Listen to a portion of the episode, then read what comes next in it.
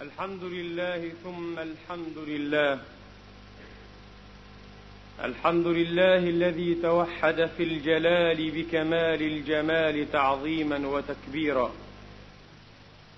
الحمد لله الذي تفرد بتصريف الأحوال على الإجمال والتفصيل تقديرا وتدبيرا. الحمد لله الذي نزل على عبده الفرقان ليكون للعالمين نذيرا. وأرسل محمدا عليه الصلاة وأفضل السلام إلى جميع الثقلين الإنس والجن بشيرا ونذيرا. نشهد أن لا إله إلا الله وحده لا شريك له. ونشهد أن سيدنا وحبيبنا محمدا عبده ورسوله وصفوته من خلقه وأمينه على وحيه ونجيبه من عباده. ثم نشهد بالله أنه بلغ الرسالة وأدى الأمانة ونصح الأمة وجاهد في الله حق جهاده حتى أتاه اليقين. أجعل اللهم شرائف صلواتك ونوامي بركاتك ورأفة تحننك فطالة على هذا النبي الأمين الكريم وعلى آله الطيبين وصحابته المبرورين المرضيين وأتباعهم بإحسان إلى يوم الدين. عباد الله أوصيكم ونفسي الخاطئة بتقوى الله العظيم ولزوم طاعته. كما احذركم واحذر نفسي من عصيانه ومخالفه امره لقوله وقد عز من قائل من عمل صالحا فلنفسه ومن اساء فعليها وما ربك بظلام للعبيد اما بعد ايها الاخوه المسلمون الافاضل فيقول الله سبحانه وتعالى في كتابه الكريم بعد أن أعوذ بالله من الشيطان الرجيم. بسم الله الرحمن الرحيم. وان احكم بينهم بما أنزل الله. ولا تتبع أهواءهم. واحذرهم أن يفتنوك عن بعض ما أنزل الله إليك. فإن تولوا فاعلم أنما يريد الله أن يصيبهم ببعض ذنوبهم وإن كثيرا من الناس لفاسقون. أفحكم الجاهلية يبغون؟ ومن أحسن من الله حكما لقوم يوقنون. صدق الله العظيم. وبلغ رسوله الكريم ونحن على ذلك من الشاهدين. أيها الإخوة الأحباب ليس انطلاقي في حديثي إليكم في هذا المقام من معنى هذا السياق الشريف العالي الجليل وإنما انطلاقي من لفظة وردت في هذا السياق الجاهلية. أفحكم الجاهلية يبغون ومن أحسن من الله حكما لقوم يوقنون؟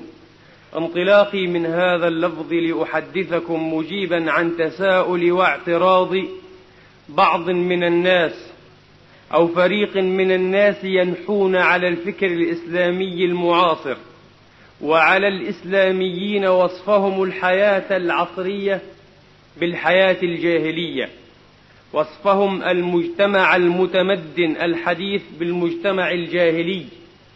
قائلين إن هذا الوصف يدل على فجاجة فهو وصف فج ينم عن إسقاط على ما يقول علماء النفس ينم عن إسقاط نفسي لفريق عجزوا عن أن يلحقوا بموكب هذه الحضارة أو يدركوا شأو هذه المدنية وأوجها.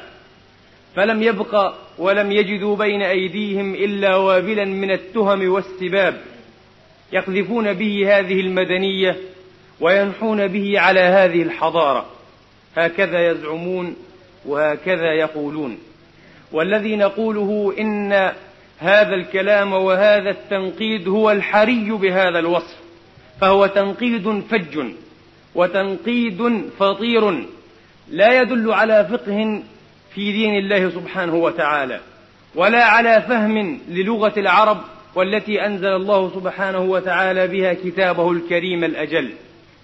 ولنبدأ من اللفظة الجهل أو الجاهلية. هذه اللفظة تدور على معان ثلاثة تدور على معان ثلاثة. الأول من هذه المعاني خلو النفس من العلم وهذا بديه ومعروف لا يخفى على أحد. فالجهل في مقابل العلم والعلم في مقابل الجهل. قال الشاعر ولما رأيت الجهل في الناس فاشيا تجاهلت حتى قيل إني جاهل. يقال تجاهل أي أظهر الجهل وعدم العلم والمعرفة والدرك من نفسه وليس به أي ليس بجاهل. يقال تجاهل ولما رأيت الجهل في الناس فاشيا. تجاهلت حتى قيل إني جاهل. فوا عجبا يظهر العلم جاهل ووا أسفا يظهر الجهل فاضل. فالجهل في مقابل العلم. وقد قال النبي عليه الصلاة وأفضل السلام في الحديث المشهور إن من العلم جهلا. إن من العلم جهلا. فجعل عليه السلام الجهل في مقابل العلم. فهذا يدور على المعنى الأول أعني خلو النفس من العلم. خلو النفس من العلم. والمعنى الثاني من معاني الجهل أو الجهل أو الجاهلية هو اعتقاد الشيء على غير ما هو عليه. اعتقاد الشيء على غير ما هو عليه. فهذا جهل. الأول هو الجهل البسيط والثاني هو الجهل المركب والثاني هو الجهل المركب. عندما تعتقد في مسألة ما أو تصدر حكما من الأحكام في قضية ما لكن هذا الاعتقاد أو ذاكم الحكم لا يوافق حقيقة الأمر لا يوافق توصيف الواقع أو المسألة ولا يوافق حقيقة الحكم الذي ينبغي أن يكون في هذه القضية فهذا جهل لكنه جهل مركب لأن من يقول به ومن يزعمه ويدعيه أو ينتسب إليه إنما يعتقد في نفسه العلم وليس به أي ليس بعالم. فاعتقاد الشيء على غير ما هو عليه جهل وهو الجهل المركب. والشيء الثالث التصرف على غير الوجه الذي ينبغي. التصرف على غير الوجه الذي ينبغي. ومن هنا قيل للغضب والنزق والسفاهة والتصرفات الكثيرة التي تصدر على غير وجه حق قيل لها جهل أو قيل فيها إنها جهل. قال عمرو بن كلثوم صاحب المعلقة في معلقته ألا لا يجهلن علينا أحد فنجهل فوق جهل الجاهلين. وقال المضرس ابن ربعي الفقعسي قال إنا لنصفح عن مجاهل قومنا. إنا لنصفح عن مجاهل قومنا ونقيم سالفة العدو الأصيد. فهذا الجهل بمعنى السفة. قال النبي عليه الصلاة وأفضل السلام الولد مبخلة مجبنة مجهلة. قال ابن منظور في لسانه لماذا وصف النبي الولد بأنه مجهلة؟ لأنه يضطر والده أو أباه يضطر والده أو أباه إلى ملاعبته واصطناع بعض الأشياء معه مما لا يليق ترضية لقلبه. فلذا قيل فيه إنه مجهلة. قيل فيه إنه مجهلة كما هو مبخلة وكما هو مقعدة. عما ينبغي لشجعان ومقدامي الرجال. وقال الشاعر هذا قول حسن جدا. قال ولي فرس للحلم بالحلم ملجم ولي فرس للجهل بالجهل مسرج. فمن رام تقويمي فإني مقوم ومن رام تعويجي فإني معوج. فاستخدم الجهل بمعنى الطيش والرد على جهلات الناس. قال سبحانه من قائل وإذا خاطبهم الجاهلون قالوا سلاما. فالجهل هنا بالمعنى الثالث من معاني الجهل ليس بالمعنى الأول ولا بالمعنى الثاني. قالوا سلاما. سلام عليكم لا نبتغي الجاهلين. سلام عليكم لا نبتغي الجاهلين. وقال حبر الأمة ابن عباس رضي الله تعالى عنهما وأرضاهما من استجهل مؤمنا فعليه إثمه. من استجهل مؤمنا فعليه إثمه أي من أحرج وأحوج ولز مؤمنا إلى أن يأتي من التصرفات أو الشؤونات ما ليس من سجيته ولا من خليقته. فنرجو أن يكون إثم هذا المؤمن الذي استجهل على الذي استجهله على الذي استجهله. فهنا الاستجهال من الجهل بالمعنى الثالث من معاني الجهل بالمعنى الثالث من معاني الجهل والجاهلية. نأتي الآن إلى سؤال المقام. نأتي الآن إلى سؤال المقام. فهل يصح إذن بمعنى من هذه المعاني وصف الحياة المعاصرة التي تعتمد على العلم وعلى التجريب وقد فاقت المدنية فيها ربما كل المدنيات السالفة المتصرمة؟ هل يصح وصف هذه الدورة وصف هذا المجتمع وصف هذه الحياة والمدنية بأنها جاهلية؟ لا أريد أن أنطلق من المستوى اللغوي البحث أريد أن أعود وأنكفئ إلى كتاب الله سبحانه وتعالى. لفظة الجاهلية لا أتكلم عن الجهل والجاهلين وما إلى ذلك وإنما عن الجاهلية عن هذا المصطلح. لفظة الجاهلية وردت في القرآن الكريم في مواضع أربعة في مواضع أربعة. لو أننا أنعمنا ودققنا النظر وأعملنا الفكر في هذه المواضع الأربعة وفي المعنى المستنبط المستخلص للجاهلية في هذه المواضع أو في كل منها ثم فيها مجتمعة لوصلنا إلى نظرية قرآنية في السمات العامة التي تتسم بها الجاهليات جميعا. سواء أكانت جاهلية القرن هذا أو كانت جاهلية الهنود أو جاهلية المصريين الفراعين القدماء أو جاهلية العرب أو أو إلى آخر هذه الجاهليات. ولأبدأ بالموضع الأول. على كل أقدم بين يدي هذه البداية أن الجاهلية في المواضع الأربعة وردت علما على الفترة التي عاشها العرب قبل الإسلام واتسمت بما يعرفه القاصي والداني العريق في العلم والشادي فيه من صفات ربما أعرض لبعضها في خطبة اليوم إن شاء الله تعالى. الموضع الأول في سياق طويل شريف كريم تحدث فيه المولى عز وجل عن معركة أحد وبعض الأحداث الحساسة في هذه المعركة. قال سبحانه وتعالى ثم أنزل عليكم من بعد الغم أمنة نعاسا يغشى طائفة منكم وطائفة قد أهمتهم أنفسهم يظنون بالله غير الحق ظن الجاهلية. هنا ظن الجاهلية. الآية تتحدث عن خلل في باب الاعتقاد عن خلل في باب الاعتقاد. إنها جاهلية الاعتقاد إنها جاهلية الاعتقاد. يظنون بالله غير الحق. ظن الجاهلية. ما هو ظن الجاهلية؟ أجاب المولى سبحانه بقوله ظن الجاهلية يقولون هل لنا من الأمر من شيء؟ قل إن الأمر كله لله. يخفون في أنفسهم ما لا يبدون لك. يقولون لو كان لنا من الأمر شيء ما قتلنا هنا أكذبهم الله ودحض زعمهم وفند شبهتهم وأتى على حجتهم من الأساس فقال قل لو كنتم في بيوتكم لبرز الذين كتب عليهم القتل إلى مضاجعهم وليبتلي الله ما في صدوركم وليمحص ما في قلوبكم والله عليم بذات الصدور. إنه ظن الجاهلية. ليس مما يعنيني في هذا المقام أن أبحث في أن هل المراد بهؤلاء الظانين جماعة من المنافقين أو أن المراد على ما بحثه وتعرض له بعض المفسرين كصاحب المنار جماعة من ضعاف المؤمنين أي من ضعاف المؤمنين في إيمانهم. ليس المراد. على كل رأي الجمهور أن المراد بها المنافقون. كمعتب ابن قشير وأصحابه خرجوا من بيوتهم لا لأجل النصر ولا لتعزيز كلمة الله ولا لمشايعة رسول الله في هذا الموطن الحرج وإنما طلبا للمغنم وخوف المؤمنين. خرجوا خوفا من المؤمنين. طلبا للمغنم وخوف المؤمنين. فلم يتنزل عليهم الأمن والنعاس. لم تغشهم أو لم يغشهم ما غشي المؤمنين الصادقين.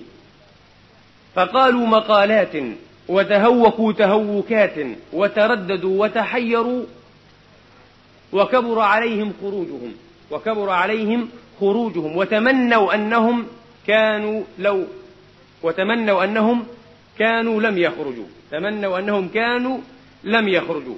فأنزل الله عز وجل فيهم ما أنزل.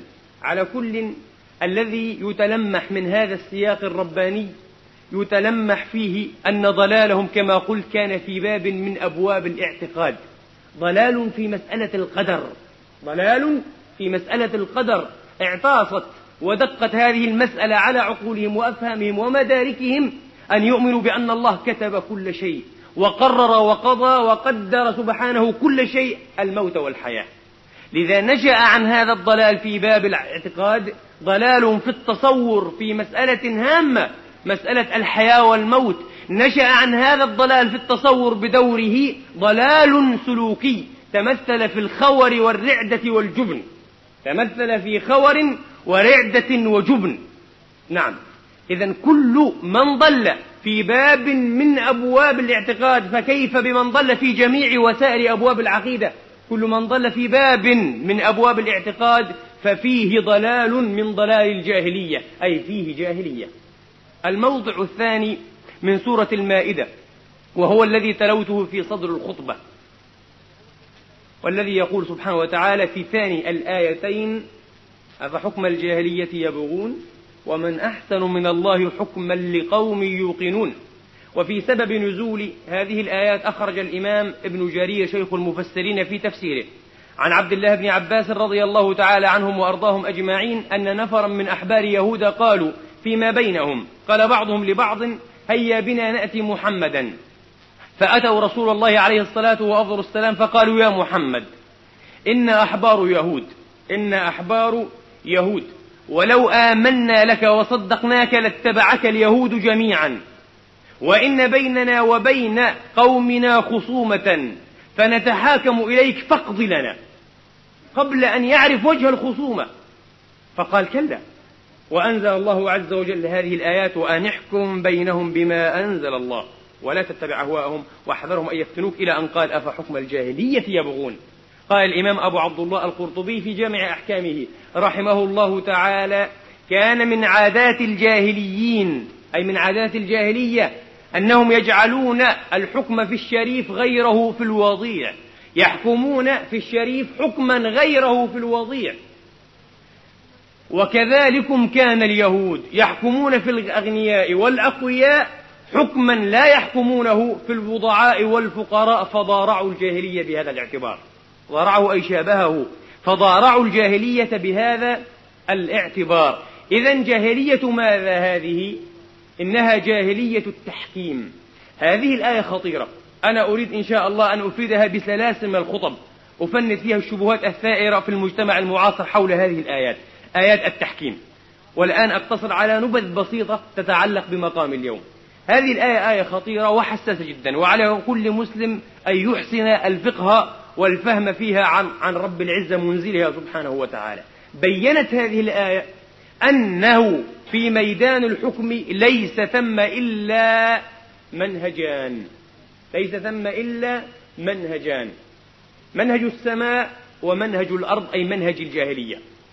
ولذا قال الحسن البصري هذا ليس قول متطرفي القرن العشرين كما يزعم بعض الناس ليس قول المتطرفين في هذه الآونة. هذا قاله تقي الدين الحسن البصري شيخ من أشياخ التابعين رضي الله تعالى عنه وأرضاه قال من لم يحكم بما أنزل الله فحكم الجاهلية. يعني حكمه حكم الجاهلية. لأن الله قال أفحكم الجاهلية يبغون؟ جعل كل حكم سوى ما حكم به الله أو ما ينبغي أن يحكم به وفق حكم الله سبحانه وتعالى حكم الجاهلية.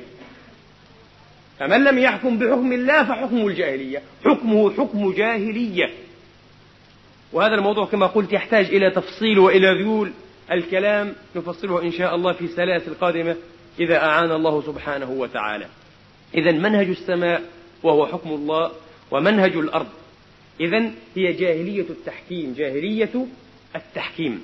الموضع الثالث ورد لكي يبرز لنا نوعا ثالثا وسمة ثالثة من سمات الجاهلية. إنها جاهلية الإلف والسلف. إنها جاهلية التقاليد والعادات. جاهلية الإلف والسلف. أمر ألفناه. أمر أخذناه عن أسلافنا. أمر تعودناه. أمر جرت به مقاليد التقاليد. وقرن في بيوتكن. ولا تبرجن تبرج الجاهلية الأولى. جماع القول أو جماع القول في تبرج الجاهلية الأولى إنه ما يظهره أو ما تظهره المرأة من زينتها مما يحسن وينبغي إخفاؤه وستره. هذا جماع القول في تبرج الجاهلية الأولى. وقد كان غايته إبداء مواضع من مواضع الزينة كموضع القرض وموضع القلادة من الصدر وأن تمشي المرأة مسفحة بصدرها في مجتمع الرجال. كانت هذه الأمور غاية تبرج الجاهلية الأولى. أفتقارن هذه الغاية بتبرج النساء في هذه الجاهلية الحديثة؟ كلا. إذا هي جاهلية الإلف والسلف جاهلية العادات والتقاليد. والموضع الرابع وهو الآخر أي الأخير ورد بشأن جاهلية العصبيات جاهلية العصبيات والقبليات. إذ جعل الذين كفروا في قلوبهم الحمية. أية حمية؟ حمية الجاهلية. حمية الجاهلية. وهذا السياق يقتضي تفسيرا لكن الذي نجتزئ به من تفسير هذا السياق أنهم قالوا عام الحديبية وقد منعوا رسول الله وأصحابه أن يدخلوا مكة. قالوا قتل آباءنا وأبناءنا ثم يدخل علينا منازلنا. لا والله لا واللات والعزة لا إله إلا الله. لا واللات والعزة لا يدخلها أبدا. كرهوا أن يتحدث الناس أنه دخله عليهم ضغطة.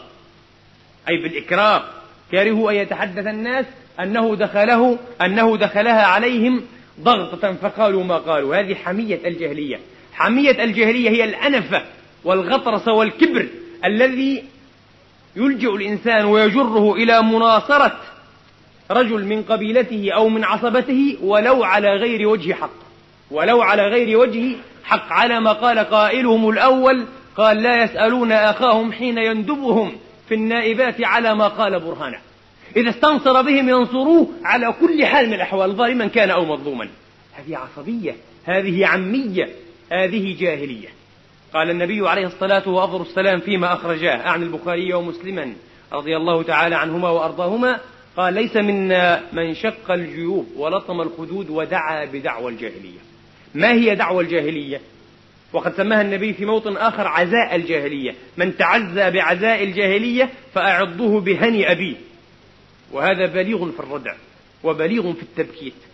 يقول له عض على هني أبيك. أكرمكم الله. من تعزى بعزاء الجاهلية. ما هو عزاء الجاهلية؟ ما هي دعوة الجاهلية؟ هي أن يقول الإنسان في مواطن التناصر والتنافر يا لآل فلان. يا لآل فلان. يا للقوم يستنصرهم أو ينصرهم ظالمين كانوا أو مظلومين. ظالمين كانوا أو مظلومين. وقد قال النبي عليه الصلاة والسلام من مات تحت راية عمية أي جاهلية عصبية يقاتل عصبية أو ينصر عصبية فقتلة جاهلية يموت ميتة جاهلية. من مات تحت راية عمية يقاتل عصبية أو ينصر عصبية فقتلة أي قتلته قتلة فقتلة جاهلية. أخرجه الإمام مسلم والنسائي رضي الله تعالى عنهما وأرضاهما. فهذه هي دعوة الجاهلية هذا هو عزاء الجاهلية هذه هي حمية الجاهلية. إذ جعل الذين كفروا في قلوبهم الحمية حمية الجاهلية. إذا هي سمات أربع عامة وقواسم مشتركة ذكرها الله سبحانه وتعالى تنتظم كل صنوف الجهل في الجاهلية الأولى. في جاهلية العرب في جاهلية العرب. وأكثرها ينتظم الجاهليات على اختلافها. الجاهليات على اختلافها. نقطة ثانية في هذا المقام أراني ملزوزا لإيضاحها. قد يقول قائل ما المعترضين؟ ما الفريق الذين يعترضون بغير علم ولا تحقيق ولا دراية؟ يقولون أنتم إذا سوغتم أن يوصف هذا المجتمع المتمدن المتحضر بالجهل أو الجاهلية فقد كفرتموه. لأن الجاهلية كانت على كفر. قلنا كلا. هذا جاء من عدم التدقيق والتنقير الجاهلية لفظ أعم مطلقا أعم مطلقا أعم مطلقا من لفظ الكفر. يدخل فيها الكفر فما دونه. ولذا بوب الإمام البخاري رضي الله تعالى عنه وأرضاه في صحيحه وترجم تحت هذا العنوان باب المعاصي من أمور الجاهلية. المعاصي المختلفة الشرك فما دونه. المعاصي من أمور الجاهلية. يخبر. فمن أمور الجاهلية في محل رفع خبر خبر لمبتدأ المعاصي من أمور الجاهلية أي هي من أمور الجاهلية. ولا يكفر صاحبها إلا بالشرك لأن الشرك من المعاصي. يكفر فقط بهذا النوع أو هذا الصنف من المعاصي. إلا بالشرك. لماذا؟ قال البخاري لقول النبي عليه السلام إنك امرؤ فيك جاهلية. ولقول الله سبحانه وتعالى إن الله لا يغفر أن يشرك به ويغفر ما دون ذلك لمن, لمن يشاء ويغفر ما دون ذلك لمن يشاء. إذا لفظ الجاهلية أعم مطلقا من لفظ الكفر أو الشرك من لفظ الكفر أو الشرك. فالإنسان قد تكون فيه خصلة أو خلة من خصال الجاهلية. فهو بهذا الاعتبار جاهل في هذا الباب وحده ولا يعني أنه كافر حاشا لله. وقد تكون فيه خصلة من خصال الجاهلية وهي أردأها الشرك والإلحاد في الله أو في أسماء وصفاته فهو كافر جاهلي كافر بهذا الاعتبار لا بمطلق وصفه بالجاهلية. روى البخاري ومسلم عن أبي ذر رضي الله تعالى عنه وأرضاه أنه قال سببت أحد الرجال فعيرته بأمه فقال لي النبي صلى الله عليه وسلم يا أبا ذر أعيرته بأمه؟ التعيير ليس من شيم المسلمين. ليس من خصال المسلمين التعيير. لا تظهر الشماتة بأخيك فيعافيه الله ويبتليك كما أخرجه أبو داود. المسلم يخاف من عقبى ذلك يخاف ويخشى من عقبى التعيير. أعيرته بأمه إنك امرؤ فيك جاهلية. إنك امرؤ فيك جاهلية. لم يقل له أنت جاهلي مصمت الجهالة وإنما فيك خصلة من خصال الجاهلية. التعيير من خصال الجاهلية. هل ترونه كفره؟ حاشا لرسول الله وحاشا أبا ذر فقد كان بالمنزلة العليا من الإيمان وبالذروة السمقى من التصديق والإحسان رضي الله تعالى عنه وأرضاه. إذا إطلاق لفظ الجاهلية لا حرج فيه عند من صح أو ما يصح أن يطلق فيه وعليه هذا الوصف هذا الوصف. لكن مع تفصيل يقتضيه كل مقام إطلاق كل مقام إطلاق. مسألة رابعة أيضا أريد إيضاحها في هذا الميدان. الجاهليات لها سمات عامة تنتظمها جميعا. والقرآن الكريم ذكرها كما قلت في أربع آيات ولها تفصيل. ولكل جاهلية سمات خاصة تخصها سمات خاصة تخصها وتمتاز بها من سائر الجاهليات تمتاز بها من سائر الجاهليات وتفترق عنها. السمات العامة والتي يمكن أن تؤخذ من روح ما ذكر في المواضع الأربعة. أولا الإلحاد في الله سبحانه وتعالى. وذروا الذين يلحدون في أسمائه. نحن نقول ألحد بالله ليس بالله في الله. الإلحاد في الله سبحانه وتعالى. في ذاته أي في وجوده أو في أسمائه أو في صفاته أو في جميع هذه الأبواب. أو معرفة الله معرفة شائهة ناقصة.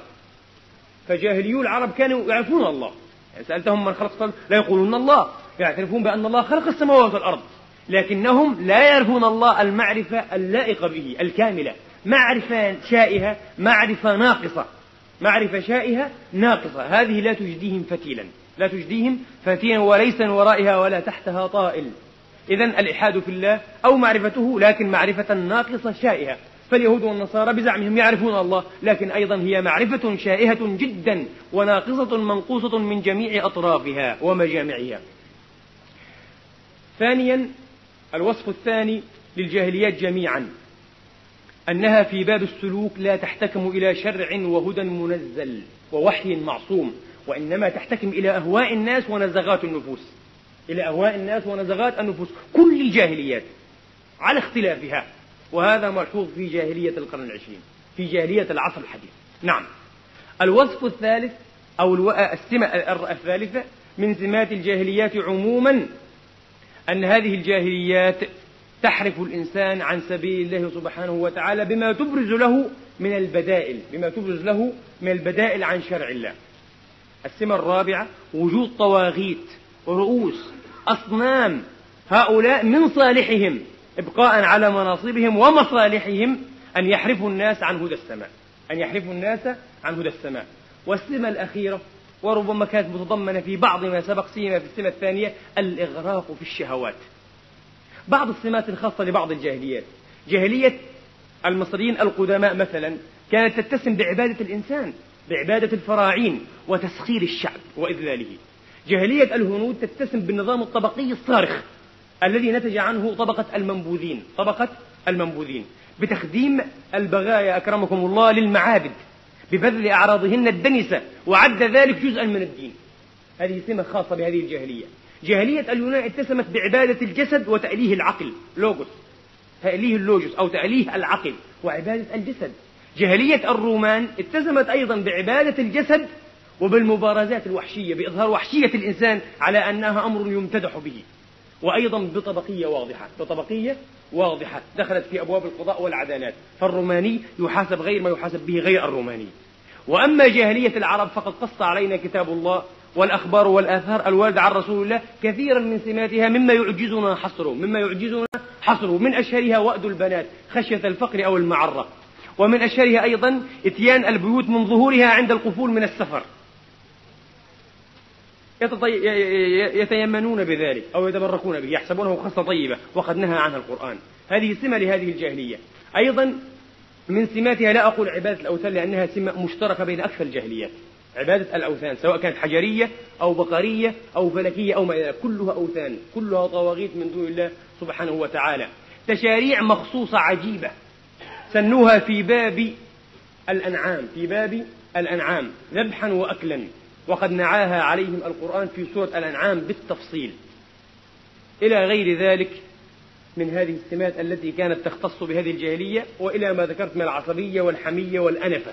والعلمية التي كانت تغلب على مجتمع العرب قبل الإسلام على مجتمع العرب قبل الإسلام. هناك برهان أريد أن أسوقه في خاتمة هذا المقام أو حديث هذا المقام. لو أن القرآن الكريم عامل جاهلية العرب على أنها جاهلية علوم ومعارف واكتشافات وتقنية وتقدم لكان المنطقي أن يكون البديل الذي قدمه الإسلام عن هذه الجاهلية ما هو؟ أن يكون منظومة من الحقائق العلمية في مختلف الميادين طبيعية وإنسانية فهل كان هذا هو البديل؟ كلا فالقرآن أولا وهذا مقرر لدى كل مسلم ومؤمن القرآن ليس كتاب علوم نعم ورد فيه إشارات وومضات إلى بعض المسائل العلمية أو الحقائق العلمية بل على تعبير حجة الإسلام الغزالي وردت فيه إشارات إلى مجامع العلوم. نحن لا ننكر ذلك. وردت فيه إشارات إلى مجامع العلوم لكنه ليس كتاب تفصيل مسائل العلوم. هو بدرجة أولى كتاب ماذا؟ كتاب هداية. ألف لام را. كتاب أنزلناه إليك. لماذا؟ لتعلم الناس حقائق الفلك والطب والكيمياء والفيزياء والجيولوجيا والجيوفيزيكس؟ كلا. لتخرج الناس من الظلمات إلى النور بإذن ربهم إلى صراط العزيز الحميد. طاسين. تلك آيات القرآن وكتاب مبين. ماذا؟ هدى وبشرى. هدى. إخراج من الظلمات إلى النور. هدى وبشرى للمؤمنين. فهذا هو الكتاب أصالة. هذا هو الكتاب أصالة. قد يقول قائل عندما تضرع المسلمون بالإسلام وتمكن من أفئدتهم ونقلوه إلى المشارق والمغارب وصبغ حياتهم الفردية والاجتماعية كانوا أمة حضارة. بزوا جميع الأمم وسبقوها في ميدان العلوم والكشف. نقول نعم هذا أثر اهتدائهم بهدى السماء لا أنه البديل الذي طلبه الله من جاهليتهم الأولى لم يكن هذا البديل الذي طلبه الله. هذا أثر من آثار البعث الذي خلقه فيهم هذا الدين الخالد. بعثهم أمة جديدة. أخوك عيسى دعا ميتا فقام له وأنت أحييت أجيالا من العدم. كما قال أمير الشعراء رحمة الله تعالى عليه. هذا البعث الجديد من أرض الجاهلية إلى مصاف أفق الإسلام كان من نتائجه ما لوحظ وسجل لدى المؤرخين من تألق المسلمين الحضاري قرونا عديدة. إلى القرن السادس الهجري على أقل تقدير. كانوا يتألقون وسيما في القرن الرابع. لكنه ليس هو البديل الذي طلبه الله عز وجل إليهم ليحول حالتهم الأولى إلى حالة أخرى يريدها ويبغيها سبحانه وتعالى. وإنما كان هذا أثر من آثار هذا الابتعاث أو من آثار هذا البعث الرباني الجديد. فلا بد أن نفرق بين الأمرين. أختم بهذه الكلمة. للخروج من الجاهلية لا بد أن نتسم بسمات أربع. معرفة مكينة. معرفة مكينة صادقة راسخة بالله ودينه وشرعه سبحانه وتعالى. للخروج من جاهلية الضلال في باب العقيدة. ثانيا لا بد من تحكيم شرع الله سبحانه وتعالى في جميع الميادين. وشرع الله واف بجميع الحاجات كما شهد المنصفون من الشرقيين والغربيين مؤمنين وغير مؤمنين. النقطة الثالثة لا بد من التناصر والتآزر والتعاضد والتكاتف وفق هذا الشرع. لا وفق عصبيات ولا عميات ولا حمية جاهلية. وفق هذا الشرع. النقطة الرابعة والأخيرة لا بد أن تنصبغ النفوس في ميدان الفردانية وميدان الاجتماع أي ميدان العادات والتقاليد والإلف والسلف بأحكام هذا الدين للخروج من جاهلية الإلف والسلف والعادات والتقاليد. أربع أمور لو أن الأمة أحسنت تحقيقها لخرجت من الجاهلية. نحن لا نضيق في الاصطلاح وقاعدة أصول الفقه لا مشاحة في الاصطلاح لا تضيق في المصطلح. إذا سألتموني أو سألتم أي مسلم إذا سألتموه هل هذا العصر عصر التقدم والعلم الذي نعيشه عصر جاهلية فنقول إذا أخذت الجاهلية بالمستوى اللغوي الأصل. وهي لفظة تقع في مقابل العلم كلا. فليس هذا العصر عصر جاهلية هو عصر علم وتقدم. لكن أي علم؟ علم ضيق بأضيق معانيه. العلم التجريبي. العلم التجريبي والتطبيقي فقط. ليس العلم بالله ولا بهدى الله عز وجل. أشرف العلوم كلا. فهو عصر علم لكن بهذا المعنى الضيق للعلم. وإذا سألتمونا هل هذا العصر وهذه الحياة حياة جاهلية وعصر جاهلي؟ بالمعنى الذي جاء به القرآن للجاهلية فهو جاهلي جاهلية جهلاء فهو جاهلي جاهلية جهلاء من أجهل الجاهلية والله. وسمات هذا العصر كثيرة ربما تعرضنا لها في خطب سابقة ونتعرض لها إن شاء الله في خطب لاحقة. سمات هذا العصر الجاهلي كثيرة لكن من أشهرها تسخير العلم في بعض الميادين والمناحي لتدمير الإنسان وإهلاكه. العلم يسعى إلى التكميم لا إلى الكيف الذي يهيئ الإنسان مستوى راقيا من الأمن والدعوة والسلام. كلا وهذا ملاحظ الصفة الثانية الغرام المنقطع النظير بالتطور والرغبة بالتغيير حتى في ثوابت الفطرة وهي أثبت الثوابت. تطور تغير تجديد في كل شيء حتى في ثوابت الفطرة الإنسانية التي أودعها الله في هذا الإنسان. الصفة الثالثة ما يزعمون من تحرير ومساواة المرأة بالرجل مما دمر المجتمع بأسره بدءا من الأسرة وانتهاء بالمجتمع الأكبر. هذه صفة. الصفة الرابعة كثرة النظريات والأيديولوجيات والأفكار في جميع وشتى ميادين العلوم المختلفة خاصة الإنسانية التي تعمل على حرف الإنسان. تعمل على حرف الإنسان عن وجهته الطبيعية. إنك كادح إلى ربك كدحا. ولكل وجهة هو موليها. فاستبقوا الخيرات أينما تكونوا. يأتي بكم الله جميعا. إن الله على كل شيء قدير. فهذه هي أخص سمات هذا العصر الجاهلي. نسأل الله عز وجل أن يعلمنا من ديننا ما ينفعنا وأن ينفعنا بما علمنا وأن يخرجنا من الجاهلية إلى نور الإسلام ومن الظلام إلى أنوار اليقين. إنه ولي ذلك والقادر عليه. أقول قولي هذا وأستغفر الله لي ولكم فاستغفروه.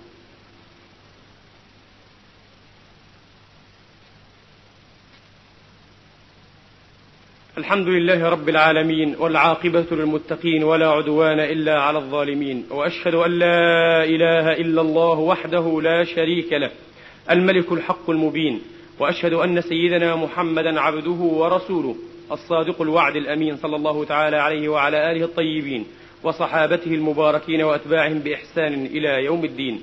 عباد الله اعلموا أن الله سبحانه قد أمركم بأمر بدأ فيه بنفسه ثم ثنى فيه بملائكة عرشه وقدسه.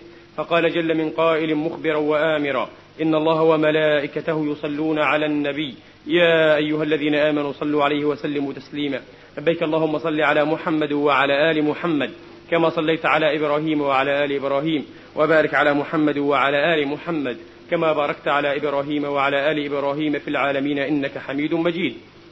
اللهم اجعل جمعنا هذا جمعا مرحوما. وتفرقنا من بعده تفرقا معصوما ولا تدع فينا شقيا ولا محروما. اللهم لا تدع لنا في هذا اليوم الكريم ذنبا إلا غفرته ولا هما إلا فرجته ولا كربا إلا نفسته ولا ميتا إلا رحمته ولا مريضا إلا شفيته ولا غائبا إلا رددته ولا أسيرا إلا أحسنت فكاكه ولا مدينا إلا قضيت عنه دينا ولا حاجة لنا فيها رضا ولك فيها لنا فيها صلاح ولك فيها رضا من حوائج الدنيا والآخرة إلا أعنت على قضائها. اللهم أعنا على ذكرك وشكرك وحسن عبادتك. ربنا آتنا في الدنيا حسنة وفي الآخرة حسنة. وقنا عذاب النار. اجعلنا هداة مهديين غير ضالين ولا مضلين. سلما لأوليائك وعدوا لأعدائك. نحب بحبك من أحبك ونعادي بعداوتك من خالفك. اللهم ما رزقتنا مما نحب فاجعله قوة لنا فيما تحب. وما زويت عنا اللهم مما نحب فاجعله فراغا لنا فيما تحب. اللهم إنا نسألك ونضرع إليك ونبتهل أن تنصر الإسلام والمسلمين وأن تعلي بفضلك كلمتي الحق والدين وأن تغفر لنا ولوالدينا وأن ترحمهم كما ربونا صغارا وأن تجزيهم بالإحسان إحسانا وبالسيئات غفرانا. واغفر اللهم للمسلمين والمسلمات المؤمنين والمؤمنات الأحياء منهم والأموات. بفضلك ورحمتك إنك سميع قريب مجيب الدعوات. عباد الله إن الله يأمر بالعدل والإحسان وإيتاء ذي القربى.